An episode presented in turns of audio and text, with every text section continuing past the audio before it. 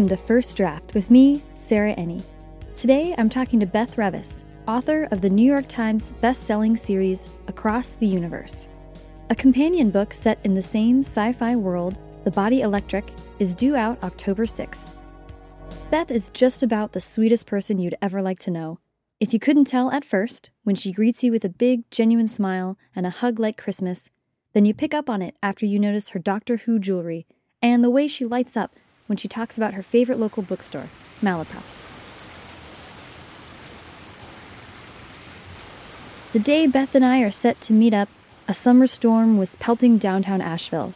Not that it stopped intrepid busker Aaron Keith from filling the street with music.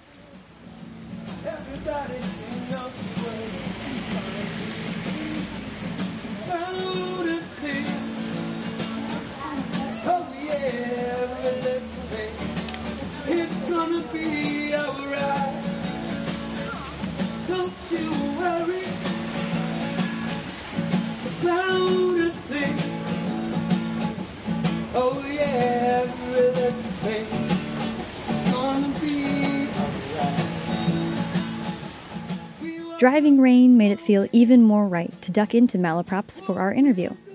Beth and I claimed a table in the back, right next to the YA section, where we could watch as shopper after shopper curled up with familiar words, including other local authors like Stephanie Perkins and Megan Shepherd. Beth and I tried to keep our voices down out of respect for bookstore shoppers, but as you'll hear, volume fluctuates with excitement. Okay, so we are in the young adult middle grade section mm-hmm. of the store. When was the first time that you came to this bookstore?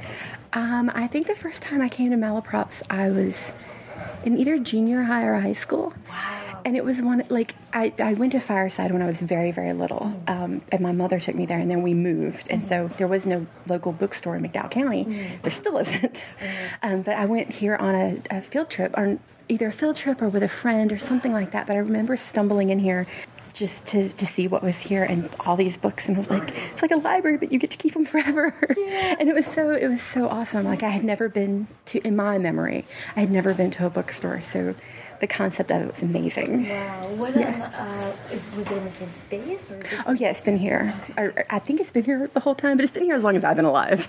So we'll say forever because it counts as my forever. Yeah, yeah, and they've changed the layout, like the, why I used to be in a different spot and things like that. But there, there's little things like all the handwritten signs. Oh. They've always been handwritten, and I don't know who writes them or if there's like a stencil or something, but they look brilliant and it's always had the same font and that same sort of home feel. Oh, that's so great. So, okay, mm-hmm. in the YA section, which is just full of people that that I feel like you probably know by now. Yeah. It used to be that I would go to a bookstore and I would feel like I was a worm among giants, and now I feel like I'm visiting friends. So, do you ever speak to the booksellers about what they offer, or tell them like I have this, I know of this book, or I just got the chance to read this book, you should carry it? Um, one of the things that Malaprops does is if you um, get a certain number of books, they have like an arc um, table where you can like kind of look up arcs and sometimes they'll give them away. And so there's been a few times when I'm like pulling arcs down. I'm like, oh my gosh, this one's great. You should get this one. Or I know this girl. You should totally get this one. because you're part of the, the book reading community. Oh yeah, yeah. And they're so friendly with every author. They they adore authors. So and they also have this great cafe. Yes. Do you ever come write? We can walk that way. Um, do you ever come to write in this cafe? I do sometimes. Um, we um, the local writer group and I we've been here a few times. There's also a chocolate bar, mm. and we'll sometimes go down the street to the chocolate bar because chocolate. obviously, obviously. Uh, that's so great. So, wait, the, the, do you guys meet up fairly often? Um, we try to meet once a week, and give or take people. So, so we see each other a lot, and it's a lot of fun to just. Sometimes we'll work. A lot of times we just gossip, and Malaprops is always the center. Yeah. Um, so let's see. Sorry, getting distracted right off the top. Um, okay, so we're in this lovely bookstore. Actually, I am staring at the YA section, which is amazing. Um, and I am going to start at the beginning. So I'd love to talk about where you were born and raised.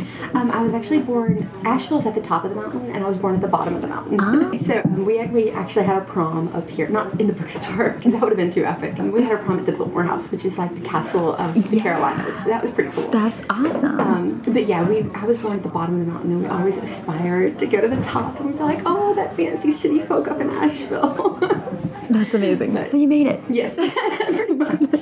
very very country where I'm from. That's funny. Okay, so you um, so that's where you're born. You grew up there. Mm-hmm. Um, where did you go to school?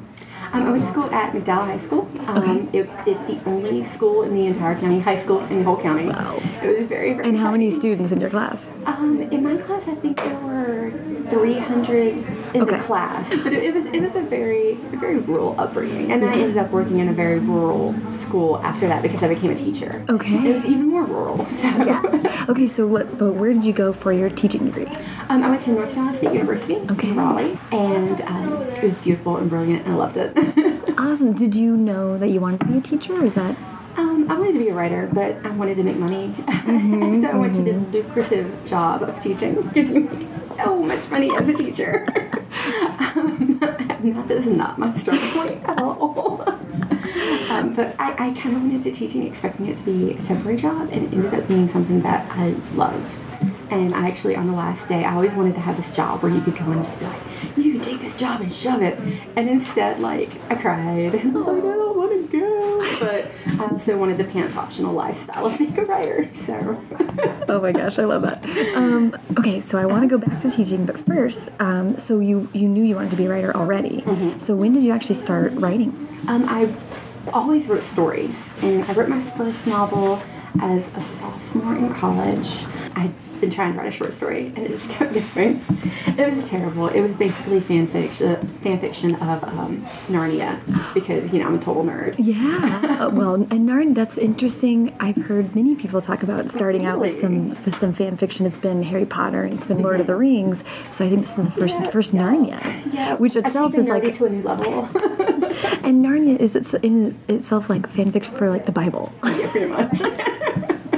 so so that was I'm sorry you said sophomore year high school Sophomore of college. of college. Okay. Um, were you thinking about publication when you were writing that? Um, the first one, I wrote it really fast, and it was just kind of like a fun thing I was doing in the free time because, like I said, total nerd, and I also couldn't afford television. So, That'll do it. yeah, couldn't afford television, so I had to make my own stories up. So I tried that that route, and it, once I finished that first story, I wrote the next one, and then I realized like I had something going here, and that's when I started looking into publication, but it took a while. So the so the second story was that like a sequel? Was it all in the It same world? sequel, yeah, okay. yeah. Okay. That was before I knew you shouldn't write all the books in the series. But but it's funny because that's like common knowledge because everyone does it. yeah, pretty much. That's my first my first book was going to be a trilogy too, and I was like, I think I just got exhausted before the end of it. yeah, it should be noted that I didn't make it to the third one. Okay, so so you're in college, you discover that you really like writing, and it sounds like it was always sort of a genre type. yes, always genre. Okay. Always. And that was a fantasy one. Mm-hmm, it was fantasy. It, it probably would have been YA. I didn't quite know what YA was at that point. Right. That was going to be my next question. Was sort of whether you thought about it or whether your writing has always been YA in retrospect. In retrospect, it's always been YA. Yeah. At the time, I was like, this will be adult. But I mean, I probably thought Narnia was adult too. It clearly isn't. That's true. But I mean, it, it took a while to realize what it what it was. And also, I started school pretty young. Mm-hmm. I was 17 my first day of college. Wow. But I mean, I turned 18 like the next month. But I was, I was 17, and I was, Yeah. I was always young. I was the baby of the family. Always young one, and I always wanted to like prove that I was the adult and prove that I could do the things. And I was going to college for an English major. Yeah. So I was all into reading the dead white guys. Mm-hmm. And it took me a while to realize that it's okay to like genre. It's okay to like the stuff you actually like. No, that's really interesting because you are very vocal about all of the fandoms and all of the all of the very genre things that you love. Now. Yeah, so so that was not always true. No. That's and you didn't even have TV. I'm so poor. But college was the point where I really became the person I am. Yeah. And the person I am is a total fan. So Yeah, that is so interesting. So when you were a kid, it was Narnia. What were some other things that you were interested in when you were? um, I read every single young adult book in my library. It was a very small library, so don't get impressed by that. Um, I read all the Narnias. I read every single Sweet Valley, every single Babysitter's Club, every every book they had. But they, they kind of skewed towards those classic YA books. So there wasn't that much. Well, there wasn't as much I mean, it wasn't being called YA either. It was sort of you had to find it. Mm-hmm. Oh, it was beside the picture books. Yeah. Right. And that's perfect for a teenager who has nothing to prove to the world to go right up next to the picture books. Yeah. well, that is so interesting. Okay, so college, you sort of you had like a creative kind of blossoming a little bit, and then you decide you want to have a job yes. and earn money. Somewhat important.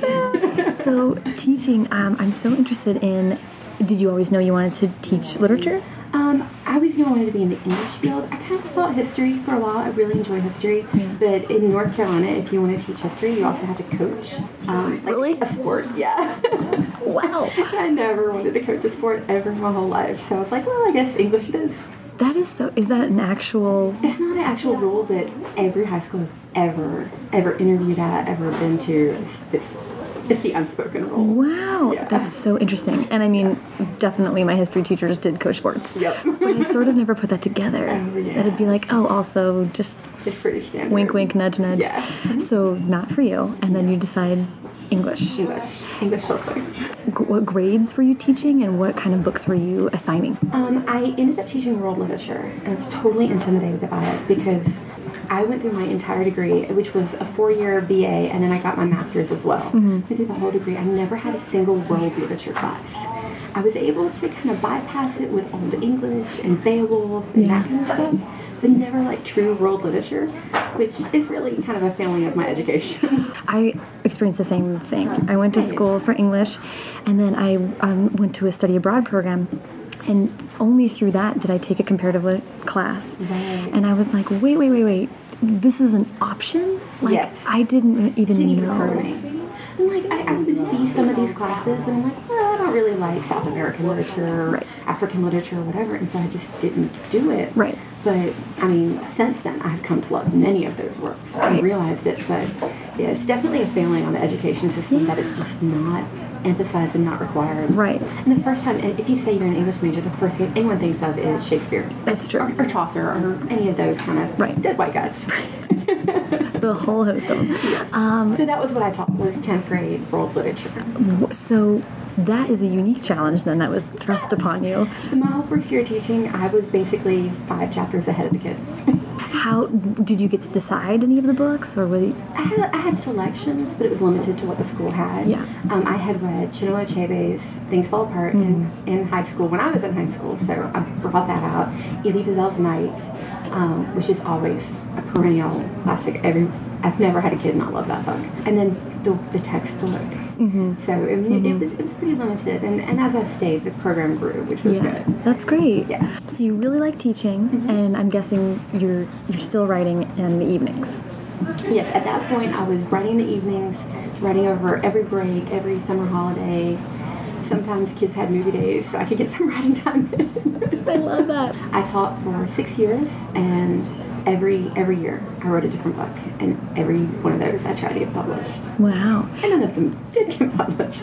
You know, That's okay. That's okay. Um, I think I read that you wrote ten books. ten. Yes, So was that ten years? How long? a book a year. Wow. Yep, ten books, ten years, and yeah. You got your chops. Yeah. I mean, it, was really depressing at the time. Like, looking back in hindsight, I'm like, this was the perfect route for me to take. Right. But at the time, especially when I hit that 10 year mark, I was like, this is a decade of my life Right. without a single success. Right. And I don't really write short stories, so I didn't have any credit at all to my name. Mm-hmm. And I would invest money, I would invest time. I was putting my life on hold. I was still kind of putting off marriage and kids and everything because I wanted this goal. And yeah, so that was super depressing. Yeah, that's really hard. Okay, so Yeah. you stopped teaching when you when Across the Universe was sold. Um, well, it sold in the early part of the year, so I finished out a semester, and that was a really rough semester. I basically did all of my edits at the same time as wrapping up the whole semester. So Grading and it was bad. Those kids had like two weeks of movies. Like, who cares about finals? And I knew I was leaving, and it's so bad. But they were all advanced kids anyway, and they knew their stuff. So like, in the, those last weeks, I was like, okay, your final is coloring. Have fun. I kind of become known as this hard ass teacher who gave like this really, really excruciatingly painful exam. And like I covered it. There was 300 questions on this exam and an essay part, and sometimes two essay parts because I was like hardcore on them kids. And um, at the last semester, I was just like color. have have a movie day, and yeah. past students would come by and you're like, "What the heck is going on here?" You were so mad at me that I was so easy on those last kids. That is amazing. That it was, was, it was pretty bad. So in a way, that's that's your office space leaving moment. You're like, yeah. free to let, let chaos rules. Yes. and, and like the kids all knew, and so they were like, okay, well, if we're really quiet, can we just sit here? And I'm like, yeah. can we just please sit quiet? Well, you know, so, but they knew why you were leaving. Yeah, yeah, they all knew. They were all excited. Yeah. Some of them I wrote into the books, so they were happy about that. That's cool. I just, I think that would be. Um, I've talked a few times about how I just didn't know that people could be writers, mm -hmm. and I feel like if I knew that a teacher was writing or a teacher sold a book, that would be a huge impact yeah. on me in my education in a whole different way. So that's really cool that they got to experience that with you. I've had several like write me since then to say things like like that, and it was pretty it was pretty amazing. That's cool. Yeah. You're still having an impact. That's what's so great about it. I try. and of course, across the universe was really cool because it broke open like YA sci-fi. I think people had been yeah, people had been kind of been waiting for that. And how did writing sci-fi come about? Because I think you've said before that before that it was mostly it was all fantasy. Every single one of the unpublished novels that I wrote were all fantasy. I mean, some were high, some were contemporary, but it was mm -hmm. all fantasy. And I felt supremely unqualified to write sci-fi. I'm not that good at science. I would write stories during science class. I wouldn't take notes. I mean, I did not know what I was doing at all. But the the idea I had required cryogenic freezing. Like that was an integral part to the idea and then cryogenic freezing led to a spaceship, led to a sci-fi, and so I basically had to learn it as I went. that's that's great though. So the idea came with what was the original germ of the idea that led to that? Um, the original germ of the idea is kind of spoiler, so I'm going to be super vague. Okay. But it's um, it was just the idea of who unplugged the girl. And, and so I knew that there's a chapter in that book that's one sentence long, and I knew that sentence from the start. So I, really? basically wrote the story for that end. Interesting. Um, and just as a personal, I think I've read that originally Across the Universe was a standalone? Yes, I intended it to be a standalone and it was going to end exactly the way it ended and readers just wouldn't know what else happened. Because you know it was so funny, I have this such a vivid memory of reading Across the Universe and when I finished the first book, um, I was making macaroni and cheese, I like remember this so vividly, in my kitchen making mac and cheese, read the final sentence and I did not know it was a trilogy. I thought that was it. And I put the book down and was like, fuck. I wasn't mad. I was just like, damn, that was a book. And then like fantastic reaction. Yeah. And then the, uh, like later I went online and was like, guys, I just read this book. And someone was like, oh, I can't wait for the sequel. And I was like, oh. Well, I mean, it really wasn't going to be one at all. And I was just gonna, I like the idea. And people will say like, you had such a cliffhanger. Like, it was just that was gonna be the end. I, I would have intended. I never even thought of it as a cliffhanger. It was just where it ended. You know, I wonder if that's sort of. I feel like we have similar like uh, literary backgrounds, like as far as reading, and there's something that growing up reading dead British white guys is like that kind of ending is just like it it feels right. something about that kind of like ah uh, is yes punch in the gut right at the end. Yeah, yeah, something about it is like, yeah, it's awesome. Anyway, did you, I mean, how did you find writing sci-fi? Was it equally as interesting? It was, it was. I mean, it basically was fantasy, but I just had rules that were built on this world. Mm -hmm. And I mean, people ask me how much research I did. And it's not as much as you would think because I would just write until I got to a point where I didn't know what was going on mm -hmm. or like didn't know how to make the world work. Mm -hmm. And then I could either research something to fix it or invent something. So, I mean, the first problem I came into was why, how was Amy cryogenically frozen? And in reality, we can't have that because it makes the cell mem membranes burst with ice crystals, mm. just like freezer burned meat. Like, we don't have that now, but we know why we don't have it. So I just invented blue goo. It's like, hey, here's blue goo, and it makes it work. So problem solved. Yeah. And I could just keep on going. Yeah, that's the great great thing about easy. speculative fiction, right? Yeah. Oh yeah, it was totally. And then the research I had to do was so much fun. Like, what happens if you go outside without a spacesuit? Some serious shit. That's yeah. what happens. yes. I mean, now that now you've uh, the Across the Universe trilogy, and I want to talk about the Body Electric a little bit too. We're going to come to that, but you were also doing sort of like Western steampunk Ooh, yes. type of short stories um, with Dead Man's Hand Mm-hmm. and Petticoats and Pistols. Yes. Um, two kind of anthology collections. How did writing that kind of story come about? Firefly.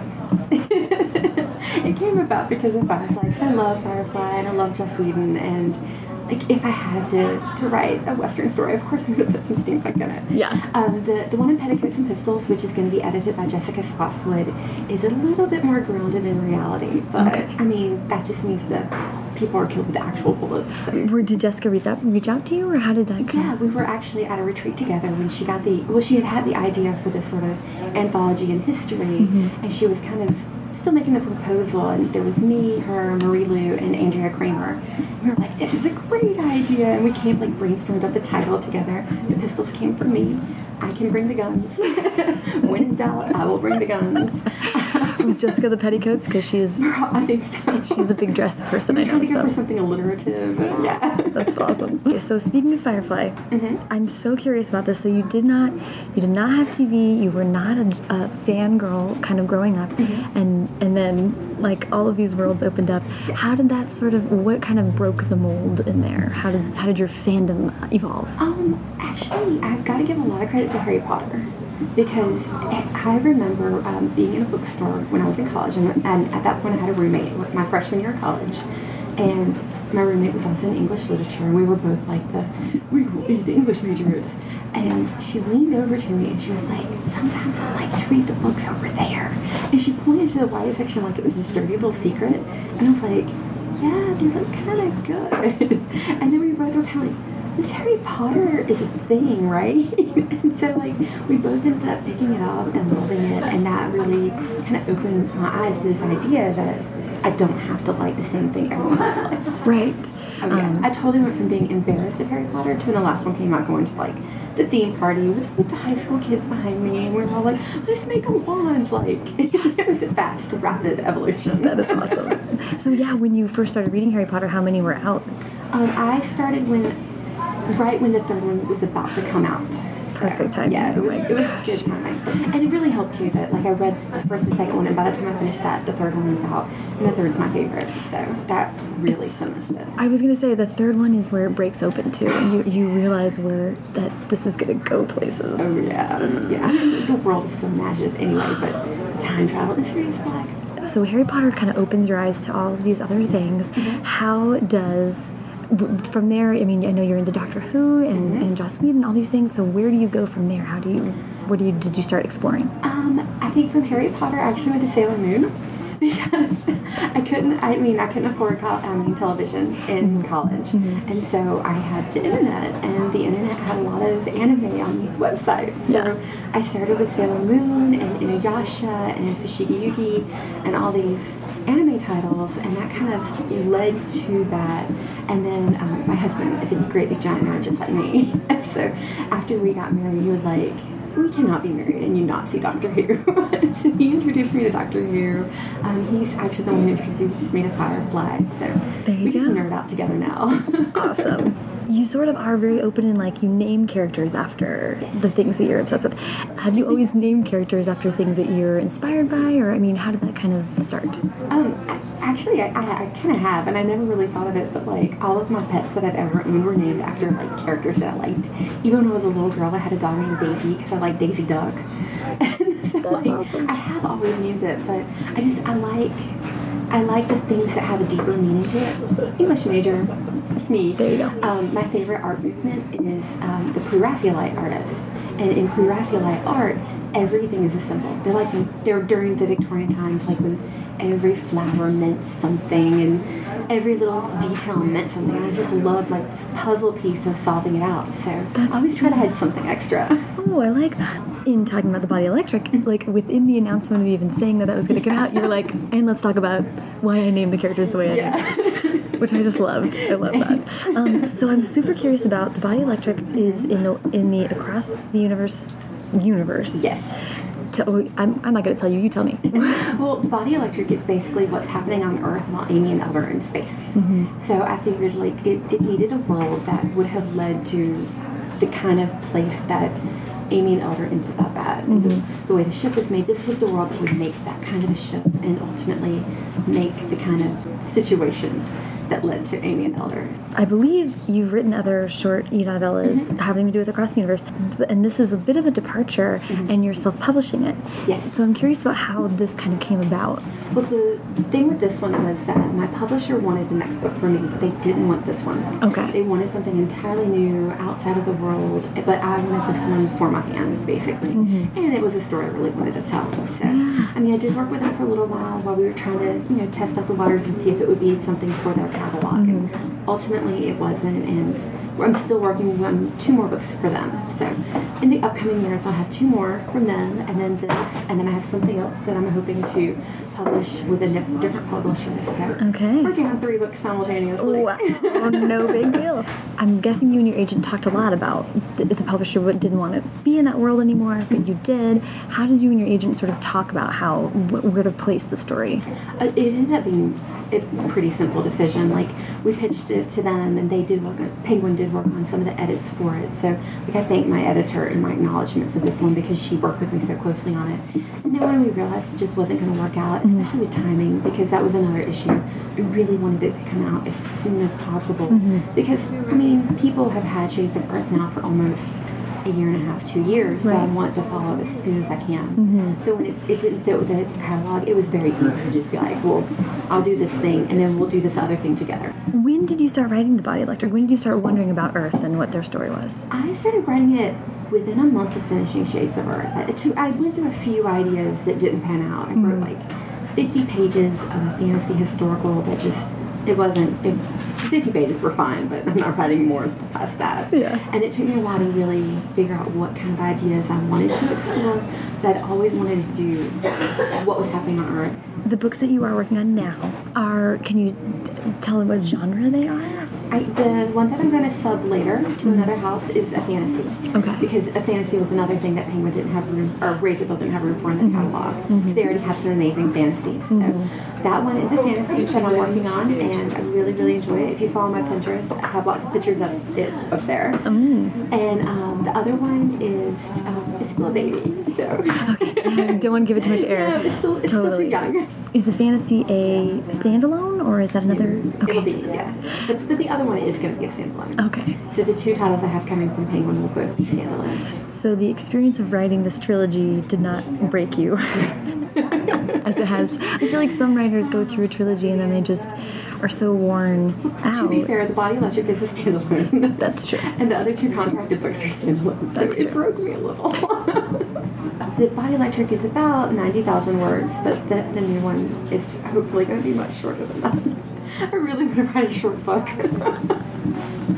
I feel like that's, I have the same thing where I'm like, this is going to be 60, 65, and then you're like, oh God. It just keeps going. And there's nothing to cut, and you look and you're trying to find things to cut, and there's just nothing. Um, I also want to talk a little bit about Paper Hearts um, because you have been blogging for a long time. Yes. You have, you're sort of a prolific blogger. I mean, you still blog a lot, which is amazing, oh, especially oh, considering all the things that you are writing that are not blog posts. um, but how did the idea for Paper Hearts come to you? Um, Paper Hearts came about because I had a blog archive, and I was people would ask me questions, and I'm like, well, I answered that, and I'd look at my archive I'm like, well, I didn't answer that like a year and a half ago. Right. And I can't expect people to like know that I answered this very specific thing. Right. So I figured if I had it all in one place with an easily searchable table of contents that people mm -hmm. could find, it just seemed like the smartest way to go about in order to present those ideas. Yeah, yeah. So what is the? It's a Wattpad, is that right? Mm -hmm. It's a Wattpad. What What is that format like? What's the setup for it? So Wattpad is more of a community for writers, and they skew heavily towards actual teenagers and YA. There's a lot of fanfic there. There's a lot of teenagers trying to find their voice, which is awesome. There is, for many people, it's their first step into writing, mm -hmm. which made it, it seem like a good place for a writing advice yeah. kind of book. Um, but it's also a good platform because it's entirely free. Yeah. And so if you download the app, you can read it on your phone, and it looks just like a Kindle book, but it's 100% free. You don't have to pay for anything. You can subscribe and follow up and as Right. books go, and it's, it's a pretty good service for That's that. cool. Yeah. And are you? Is it sort of being serialized? Are you updating as you go? Yeah, it, yeah. Wattpad really lends itself to serialization. So this is entirely serialized. It's, it's getting a little bit long now, um, but I do plan to keep going. It's like three quarters of the way done by my estimate of what I have planned. So. I'm curious what it was like to go back and read blog posts from like in some cases years ago that you've written. How what was that experience like? Um, it, it was kind of weird. Like some of them, I would I would look at that and like, what am I alluding to here? there were a few that was like, I just read this horrible book, and you should never do this. I'm like, what book was it? I can't even like imagine what book I was so mad about. Um, or, or there was some that I had very bad grammar or mistakes, and I'm like, how can I possibly have let this go online? Oh, no. But it's been nice to be able to clean it up a bit. Yeah, because yeah, anyone that's had a blog for a long period of time, Gosh, yes. at some points you have to go back and read something, and you're like, oh my god. And some of the stuff I've been referring people to, I'm like, oh, here's a link to it. And I hadn't actually read it again, and I'm like, oh, son of a. So okay, so talking a little bit more about um, the uh, place and, and things like that, I, am curious about where you write usually. Um, it depends on what level I'm at. Um, if I'm drafting and I'm actually writing words, I can run on the couch, and I have a little not it's a like a stand desk that I can Yeah. roll up to the couch. So I'll write on the couch, and then my dog will usually squish me for a while because he's 90 pounds and he shows love by squishing you. So I'll, I'll Oh my write, and then I'll pet the dog, and then I'll write. I'm not working, which I do a lot because I procrastinate, and hey, there's the internet, um, I force myself to go to my desk, and to an actual desk, to an actual chair that like, makes me feel like I've been a bad girl and have to get my in. It's so funny. I'll move there, or sometimes like I'll go to coffee shops, or if I'm really stuck, like changing location usually helps. Yeah, yeah. But um, I feel like this is a funny trend I'm noticing. Is that right? A lot of writers I've talked to, I'm- I'll go in and see their desk, and it's a beautiful setup desk with a gorgeous chair, and they're like, never write there." That's where all my laundry currently is. That's so funny. so bad. oh my gosh, I love that. Um, you are a full time writer, and like you said, the internet and TV and dogs and all of these things. How do you um, try to keep a schedule? How do you try to keep yourself on track? Um, I don't. I'm perfectly honest, I don't. I'll just goof off for like three days and then feel like insanely guilty and like get worried that I'm gonna lose my house because I won't be able to make mortgage payments. And so then I'll write furiously for like a whole day. And then I'm like, oh, I've done that, so time to time to goof off again. Kind of like, if you've ever read the comic Hyperbole and a Half by Allie Yeah. Brosh, I'm, I'm kind of like that. Like, I'll, I'll get through these things, I'm like, write all the things. And then, like, eh, our Tumblr. Right, right, right.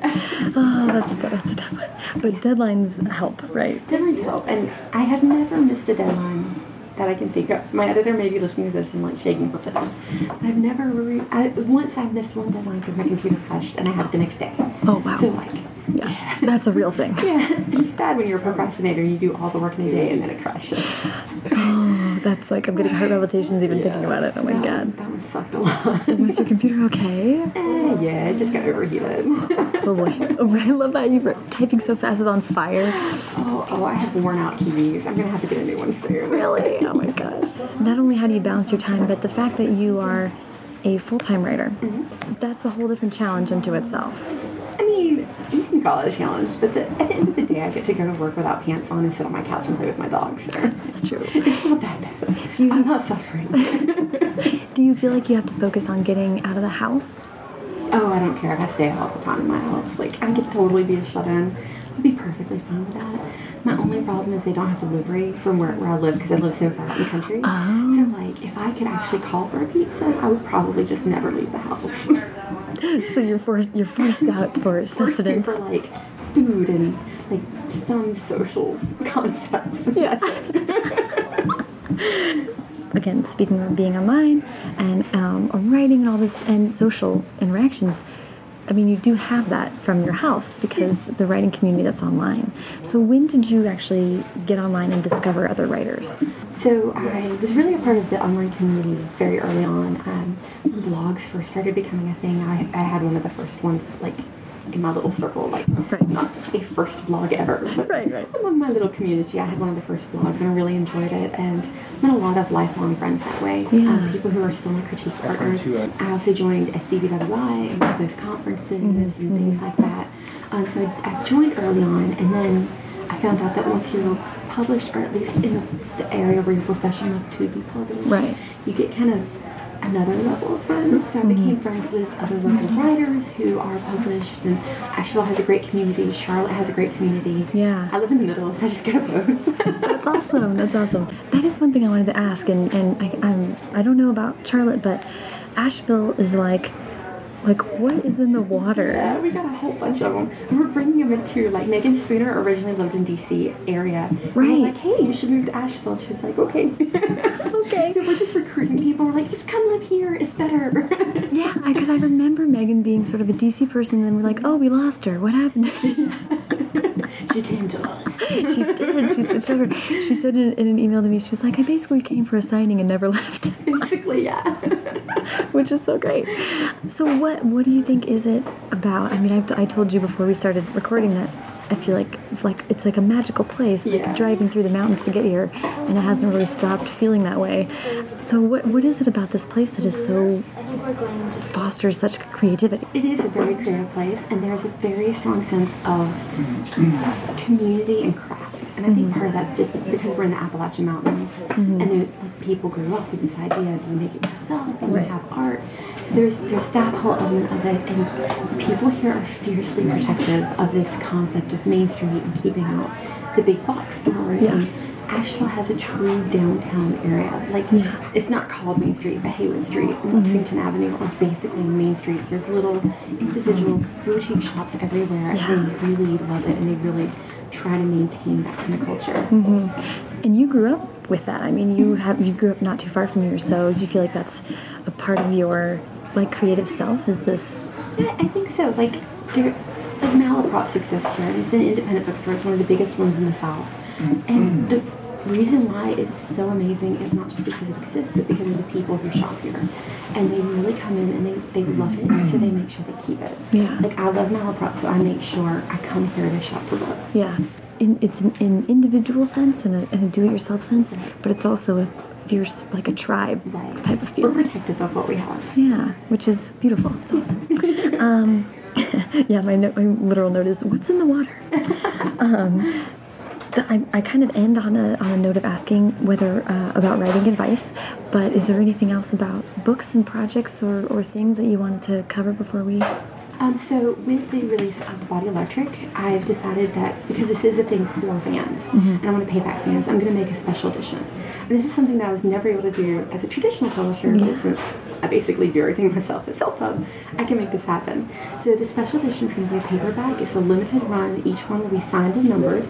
Each will include a series of art cards from three different artists and a map of the book and a few other special features. Cool. And it will only be available from Malaprops. So you have to order it from Malaprops. It's the only place to get it. And so I've been working very closely with them so that we can have this sort of indie bookstore author um, partnership. That's amazing. yeah, I'm very, so very excited about it. people can order from Malaprops all over the country. All over the world. All over the They will world. ship all over the world. It'll come with the book and the ebook version, all the art. It's going to have so many special features. oh my gosh, that is beyond exciting. I'm very, very happy for it. Yay! That's so great. Yay. Did and when you came to, um, I'm interested in how it works with with like the um, the community booksellers. Mm-hmm. How do you guys work together? I mean, did you come to them and say, "I have this crazy idea. Can you do it?" Yeah, kind of. I knew that Malaprops does like pre-order programs. They've done it Mm-hmm. for Alan Gratz is doing one currently for his new middle grade steampunk. Stephanie Perkins I, has Stephanie one, I think. Perkins has one for Isla and it's released. So I knew that they did these kind of programs, but I don't. Really, it came from the fact that so many special editions are coming from Barnes and Noble, which is awesome because like they're great. And I just bought Leigh Bardugo's Ruin and Rising from Barnes and Noble for the special edition. Yeah. But I, I wanted to do something with my indie, so that I took the idea of having a special edition from a store and just put it with my indie. And I basically called the store up and asked to speak to the YA bookseller. Her name's Caroline. She's wonderful. I adore her. And I said, "Can we meet? I want to talk about it." And we sat down in the cafe, and I was like, "This is what I want to do." And she was like, "That's fantastic. We'll help you however way we can." And it was it's just awesome. That's so great. Mm-hmm. What does it feel? I mean, how do you think having a a community of booksellers that are as passionate about selling books and mm-hmm. being around books and supporting books as you are about writing books, how does that? I mean, is that motivating for you? How does that feel to have that community behind you? it, it is motivating, but it's also a source of pride. Because I mean, you have validation like when you get published and things like that, but Yeah. having the local bookstore recognize you, like this is kind of our amphitheater stage for us. Like Yeah. we're not rock stars, but this is it feels like stepping out onto the stage in front of the world. Yeah. And so they kind of provide that, and they are the best audience, and they're the best cheerleaders. That's so cool. I was speaking with Erin Bowman, and she just recently moved to a, like a new city, and she's near Concord, New Hampshire, and they have a great independent bookstore, and she hadn't really had that before. So now mm-hmm. she's like going and talking to them, and it's just like, you know, she does live sort of out rural, a little bit secluded, but to know that she can come to a bookstore and be a participant in Right. book culture in real life. It's like coming home. Oh, that's so cool. um, okay, so final question is actually it's a two prong question. Um, I'd love to hear from you just quick advice for new writers, and also you have a unique perspective of after publishing advice for writers as they kind of get deeper into their publishing career. So I think one of the most important things that a new writer can do is to set a goal early. And so for me, my goal was traditional publication and wide distribution. And I really wanted to have the chance to go into any bookstore in America and at least have a chance to save my book. Like it doesn't always work out, but I really wanted to there to be a good chance for my book to be on that shelf. And so for that you have to have an agent, you have to have a big five publisher. Like I knew that's what I wanted. And I, I mean I did write ten books that were not published and there are two of them that I had some interest in from small presses. Really? And one of them, it, it kind of came down to do I want to go with this small press or not? And I could have been published, but the goal wasn't publication, it was publication and distribution and to really do that. And I mean, looking back now, if I had published that book then, my debut would have been entirely different. Mm-hmm. It would have been a blip on no one's radar. Like, it, it would have sunk and burned. And that book wasn't as good either. Right. So I'm like now I can look back and be like, I'm so glad I didn't go that route. But for some people, it would have been the exact opposite. For some people, if you if that's the book you want and you just want the publication, Right. it's perfectly fine to do that. So you just have to analyze what it is that you want specifically, and realize that not everybody's that way. Yeah. I spent a lot of time kind of thinking, well, why wouldn't everybody want the big five publishing? But it's, it's really not a matter of that. So analyze what you yourself want and then do what it takes to get there. Yeah. And it may be trunking a novel, it may be self publishing, whatever it takes to get the thing that you want. Mm-hmm. It's the best advice that I have for writers. Yeah, I love that. And you recently did- had another blog post where you're saying what your goals are now. Like you still Right, my are goal- making. Yeah, and, and it does change a lot with what you want. Like I, I've now had the big New York Times bestseller release, which was awesome. I'm not gonna lie.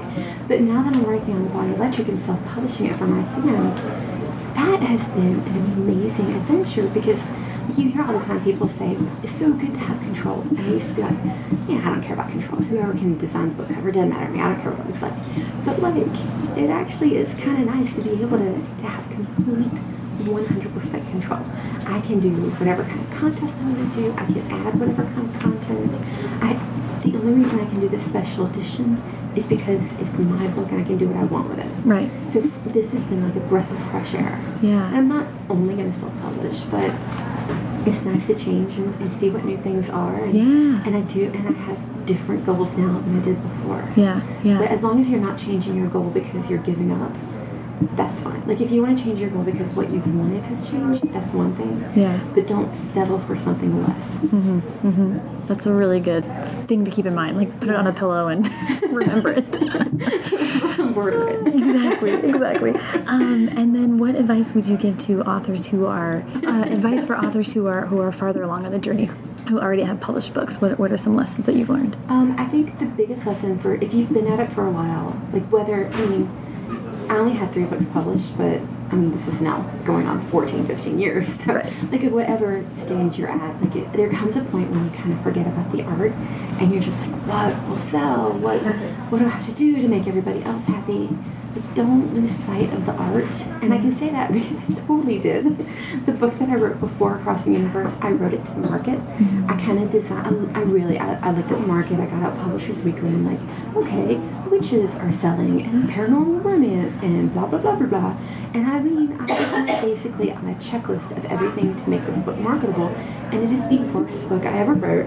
It's the only one I regret writing. All the rest of them, I'm like, I learned something. This one I learned nothing because I, I, I went back. I, it was not a two steps forward, one step back. It was all steps backwards. Wow. So like, don't don't do that. Don't give up your art for the market. That's a really good lesson. Wow. Yeah. I mean, it's not the way A you tough one. That's a tough one. yeah. D- Last question, I swear. But speaking of the other books, is there anything? Are there are there any books that are behind you that you still have have a book crush on that you might want to think about going back and revisiting? There's one that my parents just like that anytime I, I like hit the New York Times bestseller and they're like, well, what about that other book? I'm like, thanks, mom, thanks, dad. so like, there's one that I do still kind of like, and I might go back to that one. But the problem with it is, I know exactly why it didn't sell. It's, it's not a big market. Mm-hmm. It's not. Like, it's a, it's a fun little tale, but it's not It's different. it's, it's different and it would mean I would have to rewrite the whole thing. So, I mean, maybe one day I will go back to that one. There's one that I wrote after a very difficult time, and so that one was very cathartic. The story is still there, so maybe, but Yeah. probably not. I mean, I hate revising anyway. I would much rather just write something entirely new. I love that. People have said things like, well, you have all these things done, so you can just throw them up online. And, like, no. I mean, I don't want to subject you guys to this terrible crap. I was going to say when you when you are upset about grammar errors and blog posts, putting up an entire book that you wrote 10, 10 years ago would be a whole different level. There comes a time when you have to realize that there's a reason why your book was rejected, and maybe just accept that. That's another good piece of advice. it was a hard lesson, but Yeah. I mean, we live in a culture now where people think like if you've made the art, it's an art and it's a thing, and, and it is a thing, but that doesn't mean it's a good thing. Right. And it, it takes practice. Nobody expects the first painting that an artist paints to be hung up in the Louvre. Yeah. You shouldn't expect your first thing you ever write to be publishable, much less like a huge runaway bestseller. Right, right. Um, yes. Um, awesome. I, well, those are all the questions I have. Thank you so much. Thank you. This was fun. Yay.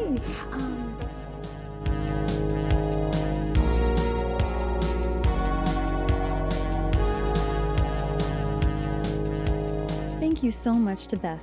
Follow her on Twitter at Beth Revis. Follow the show at First Draft Pod and me at Sarah Enni. Check out www.firstdraftpod.com to find other interviews or subscribe to the podcast on iTunes or Stitcher. And if you enjoyed the show, be sure to rate and review the podcast there too. Thanks so much to Hash Brown, who composed our theme, and Colin Keith, who designed our logo. And thank you so much for listening. Oh, don't you